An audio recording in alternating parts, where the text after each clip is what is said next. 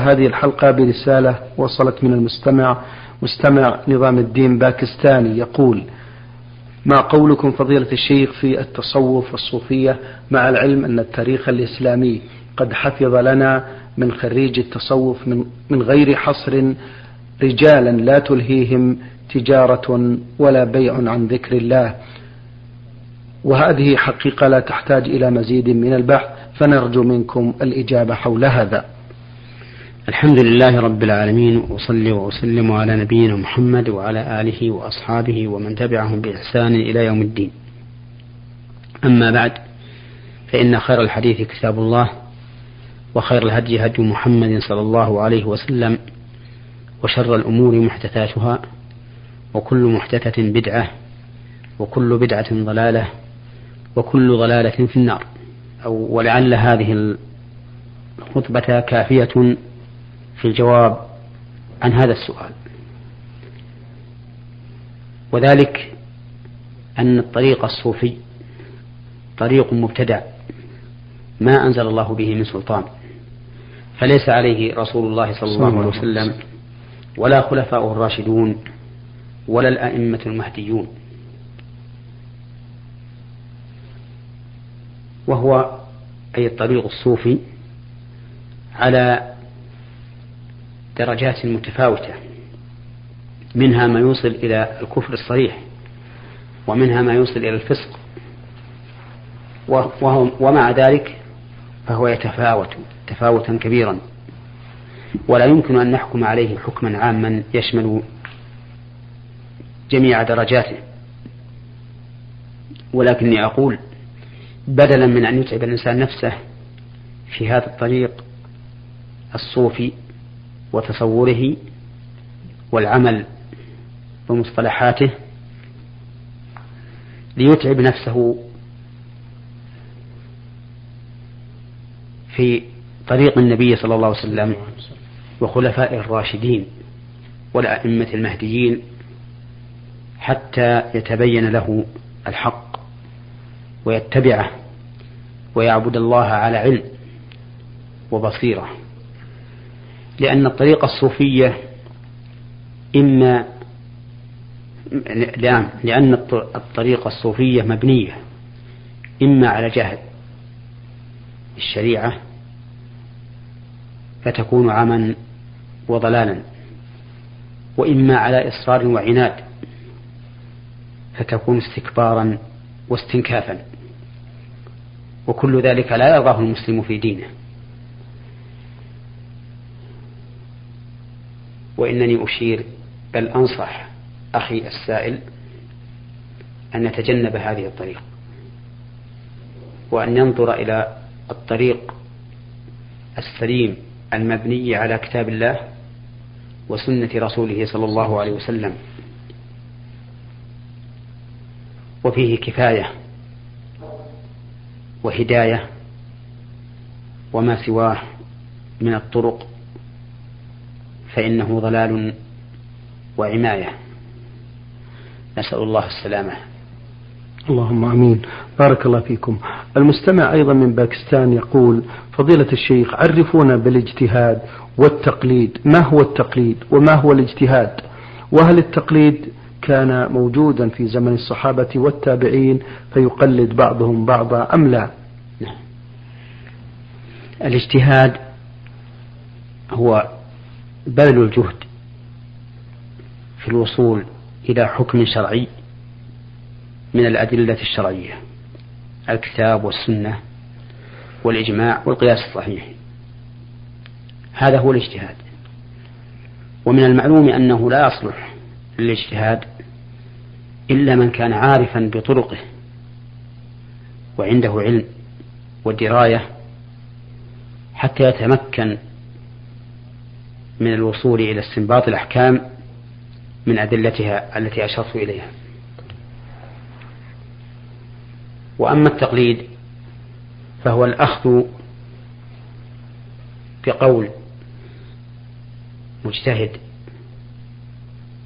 من غير معرفة دليله بل يقلده ثقة بقوله.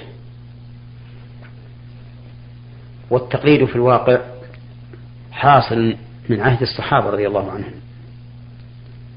فإن الله تعالى يقول فاسألوا أهل الذكر إن كنتم لا تعلمون. ولا شك أن من الناس في عهد الصحابة رضي الله عنهم وإلى عهدنا هذا من لا يستطيع الوصول إلى الحكم بنفسه لجهله وقصوره. ووظيفة هذا أن يسأل أهل العلم. وسؤال أهل العلم يستلزم الأخذ بما قالوا. والأخذ بما, والأخذ بما قالوا هو التقليد. وعلى هذا فنقول من لا يتمكن إلى الوصول من لا يتمكن من الوصول إلى الحق بنفسه فليتمكن من الوصول إليه. بتقليد غيره من أهل العلم الذين أمر بسؤالهم إذا لم يكن عالما. ولكن إذا سألنا سائل من أقلد؟ فالجواب أن أن الواجب أن تقلد من تراه أقرب إلى الحق. لأن أهل العلم كالأطباء فهم أطباء القلوب. وإذا كان الواحد منا إذا مرض وكان في البلد أطباء أطباء كثيرون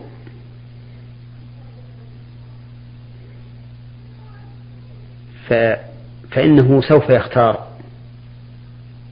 من كان أحذق وأعرف بالطب والأدوية والعلاج. ولا يمكن لأحد أن يذهب إلى طبيب قاصر مع وجود من هو أحدق منه إلا عند الضرورة. فكذلك في التقليد اختر من تراه أقرب إلى الحق لكونه أعلم وأتقى لله عز وجل. وفي هذه الحال تكون قد امتثلت أمر الله تعالى في قوله فاسألوا أهل الذكر إن كنتم لا تعلمون. نعم. بارك الله فيكم. هل هناك شروط للمجتهد أو آه الاجتهاد فضيلة الشيخ؟ العلماء ذكروا للاجتهاد شروطا أهمها أن يكون عند عند الإنسان علم وملكة. طيب. علم بأدلة الشرع. وملكة يتمكن بها من استنباط الأحكام من أدلتها. لأن من ليس عنده علم من الشرع كيف يكون مجتهدا في شيء لا علم له به؟ ومن عنده علم لكن ليس عنده ملكة يتمكن بها من استنباط الأحكام صار كمن بيده سيف لكن لا يعرف أن يقتل به. فلا بد من أن يكون عند الإنسان علم وملكة. فإذا كان عند الإنسان علم وملكة صار من أهل الاجتهاد. ولا فرق بين أن يكون مجتهدا اجتهادا عاما أو اجتهادا خاصا. فإن بعض الناس قد يكون مجتهدا في مسألة معينة يعلم أدلتها ويتمكن من تطبيق من التطبيق على هذه الأدلة لكنه في مسائل أخرى جاهل بمنزلة الأمي فيوجد من طلبة العلم فيوجد من طلبة العلم من يكون عنده علم في في مسائل العبادات يمكن أن يجتهد به ولكن في المعاملات ليس عنده علم أو يكون عنده علم في المعاملات العقدية كالبيوع والإيجار والرهن والوقف وما أشبه ذلك وليس عنده علم في مسائل المواريث والفرائض. فعلى كل حال قد يتجزأ الاجتهاد. فيكون الإنسان مجتهدا في مسألة أو باب من أبواب العلم دون المسائل أو الأبواب الأخرى. نعم. بارك الله فيكم فضيلة الشيخ. هل الميت يسمع السلام والكلام ويشعر بما يفعل لديه أم لا؟ هذه مسألة اختلف فيها أهل العلم. والسنة في فيها قد بينت بعض الأشياء. فقد صح عن النبي عليه الصلاة والسلام أن الرجل إذا دفن في قبره وانصرف الناس عنه حتى إنه ليسمع قرع نعالهم أتاه ملكان فامتحناه. فأثبت النبي عليه الصلاة والسلام أنه يسمع قرع النعال. وأخبر النبي صلى الله عليه وسلم أنه ما من رجل مسلم يمر بقبر رجل مسلم فيسلم عليه. وهو يعرفه في الدنيا إلا رد الله عليه روحه فرد عليه السلام. وهذا الحديث صححه ابن عبد البر وذكره ابن القيم في كتاب الروح ولم يعقد ولم يتعقب. وربما يؤخذ هذا أو ربما يؤيد هذا أن الرسول عليه الصلاة والسلام كان إذا خرج إلى المقابر قال السلام عليكم دار قوم مؤمنين. فإنه قد يشعر بأنهم يسمعون ذلك ويردون من أجل أنه وجه هذا الدعاء إليهم بالخطاب. وعلى كل على كل تقدير مهما قلنا بأن الميت يسمع فإن الميت لا ينفع غيره ولو سمعه.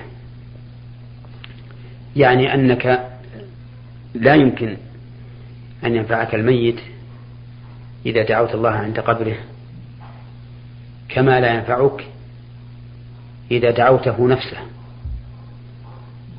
ودعاؤك الله عند قبره معتقدا أن لذلك مزية بدعة من البدع.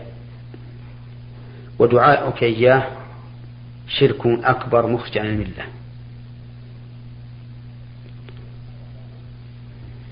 فإن قال قائل إن بعض الذين يدعون الأموات قد ينتفعون بدعائهم. فالجواب على ذلك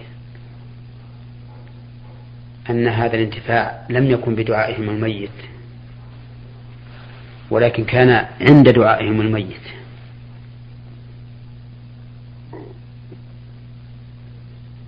وفرق بين حصول الانتفاع بدعاء الميت وعند دعاء الميت. لأن لأنك إذا قلت حصل الانتفاع بدعاء الميت كان دعاء الميت هو السبب لهذا الانتفاع. وإذا قلت عنده لم يكن هو السبب ولكن كان قريبا منه في الوقت. فنحن نقول إن الله تعالى قد يبتلي الإنسان الذي يدعو أصحاب القبور بحصول ما يدعو به عند دعائه امتحانا له واختبارا له. وإلا فنحن نعلم أن كل من دعا غير الله فإنه من أضل الناس. بل قد قال الله تعالى ومن أضل ممن يدعو من دون الله من لا يستجيب له إلى يوم القيامة وهم عن دعائهم غافلون وإذا حشر الناس كانوا لهم أعداء وكانوا بعبادتهم كافرين. ولا عجب أن يبتلي الله الإنسان بمثل هذه البلوى فها هم أصحاب السبت قوم من بني إسرائيل من اليهود. كانوا في قرية على شاطئ البحر.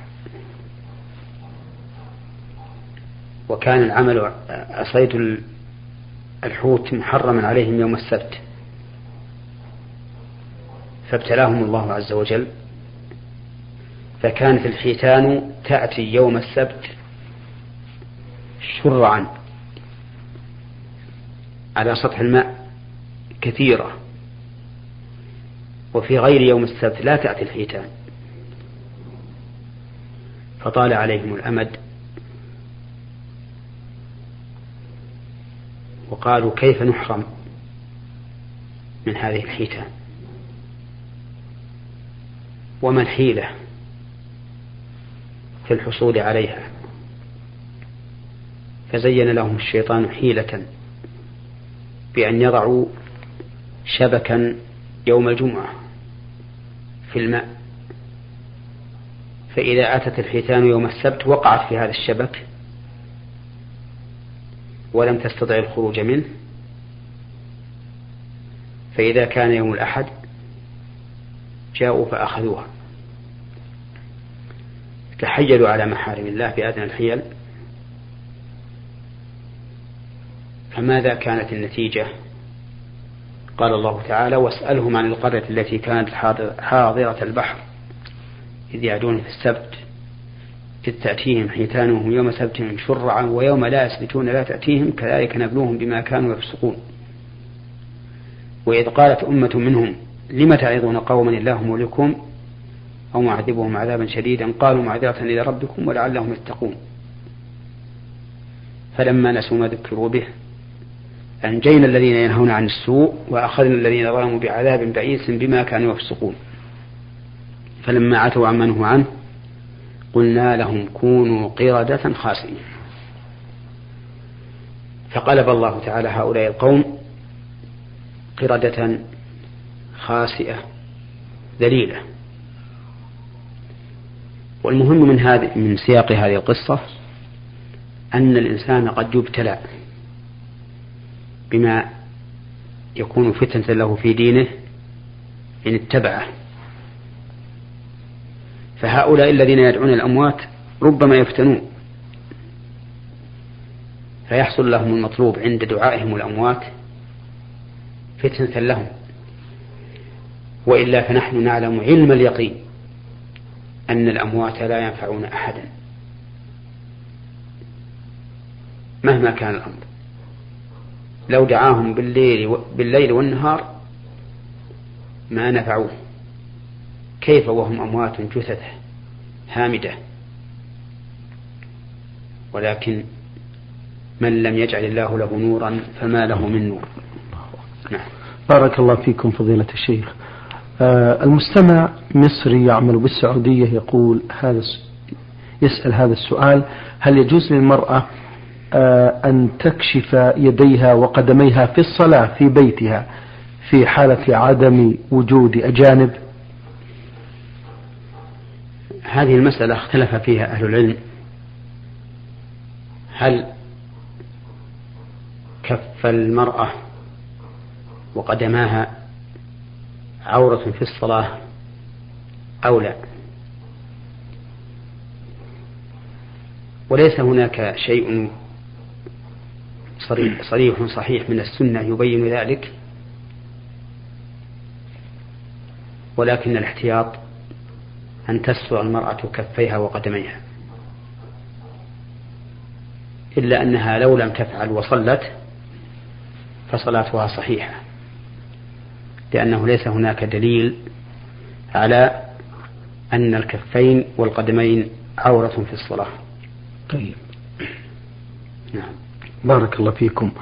المستمع المصري يقول نحن نسافر آه، أسبوعيا تقريبا إلى مناطق تبعد أكثر من مئة كيلو. هل يجوز لنا القصر في هذه الحالة؟ وهل يجوز أداء صلاة العشاء حين وصولنا إلى المنزل? نرجو الإفادة. إذا سافر الإنسان هذه المسافة فإنه يقصر. لقوله تعالى وإذا ضربتم في الأرض فليس عليكم جناح أن تقصروا من الصلاة إلا إذا كان في بلد فإنه يلزمه حضور الجماعة. وإذا حضر الجماعة فسوف يتم لأن المسافر إذا اتم بمن يتم لزمه الإتمام. سواء كان هذا هذا المسافر الذي اتم بمن يتم قد أدرك الصلاة من أولها أم من آخرها. وعلى هذا فإذا صلى المسافر فإذا أدرك المسافر مع الإمام ركعتين وجب عليه أن يأتي بعد سلام الإمام بركعتين. لعموم قول رسول الله صلى الله عليه وسلم ما أدركتم فصلوا وما فاتكم فأتموا وهذا يعم المسافر والمقيم. ولأن ابن عباس رضي الله عنه عنهما سئل ما بال الرجل يصلي مع الإمام أربعا ويصلي وحده ركعتين؟ يعني المسافر؟ فقال تلك هي السنة.